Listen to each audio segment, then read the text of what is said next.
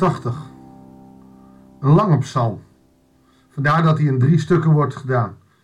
Gisteren hebben we gezien hoe de psalmdichter God groot weet te maken, hoe hij gelukkig is met God. Ehm, en vandaag gaan we kijken hoe via deze psalmdichter laat zien dat God de belofte aan David gestante doet houden. Laten we maar gewoon gaan lezen in deze prachtige psalm. Goeiedag, hartelijk welkom bij een nieuwe uitzending van het Bijbels Dagboek. We lezen psalm 89 eh, tot en met 38. Ooit hebt u in een visioen gesproken tot uw getrouwe en gezegd: Ik heb hulp geboden aan een held, een jongen uit het volk verheven. In David vond hij, ik zal olie.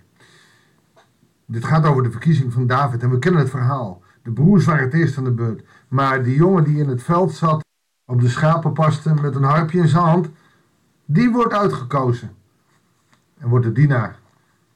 En werd gezalfd met heilige olie. Mijn hand, zegt God, geeft hem steun. Mijn arm maakt hem sterk. Geen vijand zal hem overvleugelen. Geen boosdoener hem bedwingen. Zijn belagers zal ik voor zijn ogen verslaan, zijn haters vermorselen. Hij wordt een held genoemd, David de held, de eerste koning. Het gaat zelfs nog verder. Mijn trouw en mijn liefde vergezellen hem. Door mijn naam zal hij in aanzien stijgen. Zijn linkerhand leg ik op de zee, zijn rechterhand op de rivier. Dat geeft iets van macht. Zowel de zee tot aan de rivier, dat is de hele breedte als het ware van uh, Israël. Natuurlijk heel smal. Ehm, maar vanaf de zee tot aan de rivier, dan heb je de hele breedte van het land. Hij zal tot mij roepen, u bent mijn vader, mijn God de rots die mij redt. Ik maak hem tot mijn eerstgeborene, tot de hoogste koningen der aarde. Hoogste van de koningen der aarde. God heeft David uitverkoren. En hij krijgt ook een grote status. Als eerstgeborene. Dat is overigens al eerder uh, gezegd. Als je Psalm 2 vers 7 leest. Het besluit van de Heer wil ik bekendmaken. Hij sprak tot mij. Jij bent mijn zoon. Ik heb je vandaag verwekt. Dan zie je dat in David eigenlijk alles wat er met Jezus gebeurt ook als voorafschaduwing is. Het is geweldig hoe David hier wordt uitverkoren. Hoe hij wordt gezalfd, een gezalfde. En hoe uiteindelijk ook hij de eerstgeborene wordt genoemd. Terwijl Jezus dat ook is. Dat is de eerstgeborene zoon. Hij is de gezalfde. God heeft beloofd vanuit de stam van David. Zal mijn redder komen. Dat is boeiend. Want een prachtige psalm die, terwijl die niet eens van David is, maar die deze gang van zaken wel voorzegt. Want deze psalm is natuurlijk ver voordat Jezus geboren werd, uh, al geschreven. Hier wordt dus ook voorzegd, is een profetie. Tenminste, we mogen het erin liggen, leggen, omdat wij weten hoe het uiteindelijk gaat lopen.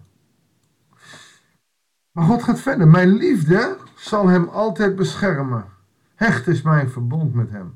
Zijn dynastie hou ik voor altijd in stand. Zijn troon, zolang de hemel bestaat. Ondanks dat David natuurlijk enorm de mist is gegaan. Maar God heeft trouw beloofd en dan doet hij dat ook. Dus ondanks die grote blunder dat hij iemand heeft afgepakt, vermoord heeft en dus eigenlijk vreemd gegaan is en dat kind is koning geworden, ondanks alles wat hij gedaan heeft, hield God gestand.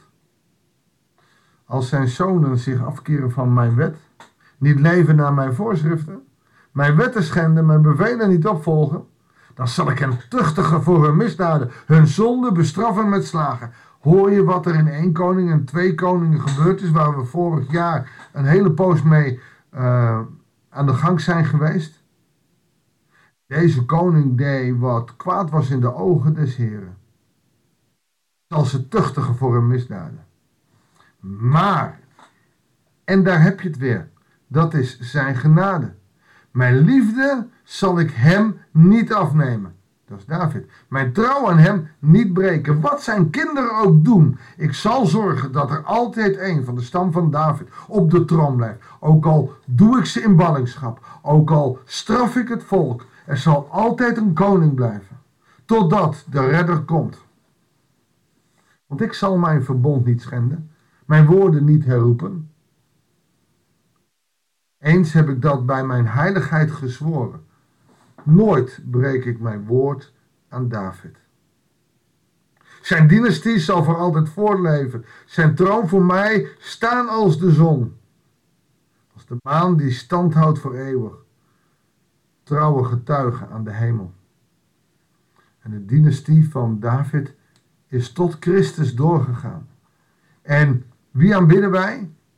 God door Christus. En Christus, zijn naam is er nog steeds. De gezalfde, de Messias. De dynastie van David is in Christus eeuwigheid geworden.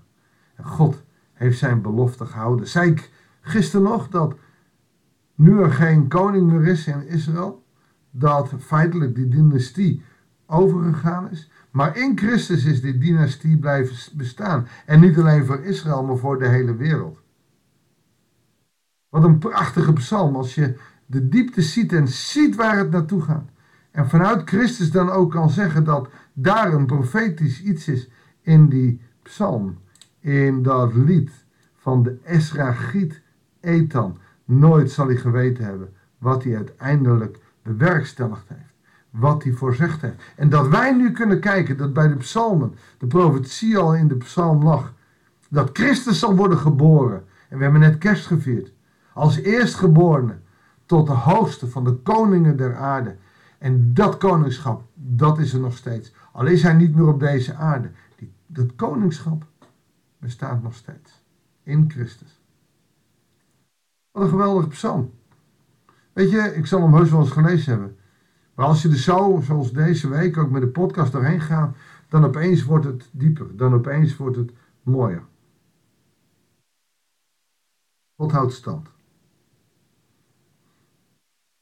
En zat ik nog te bedenken wat ik zondagavond zou gaan preken, dan komt Psalm 89 nog wel eens naar voren komen.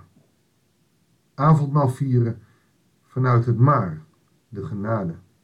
Want ook wij verdienen zijn liefde en zijn genade niet. Maar het verbond wat hij in David en dus in Christus gestalte heeft gegeven, zal hij houden tot in eeuwigheid. En de maan en de zon, zij zijn de eeuwige getuigen. Zullen we samen bidden en God danken voor dat wonder? God, dank u wel. Zo bijzonder dat u dat zegt. Zo bijzonder dat, dat er zoveel genade is, ook nog voor ons. En dat we in de psalm al kunnen lezen wat u van plan bent. En uw plannen falen nooit. Oh God, u bent trouw aan uw kinderen. U bent trouw aan ons. En we danken u voor die belofte. En we loven en prijzen uw grote naam. Van nu aan tot in eeuwigheid. Amen. Dankjewel voor het luisteren. Ik wens je God zegen. En heel graag tot de volgende uitzending van het Bijbels Dagboek.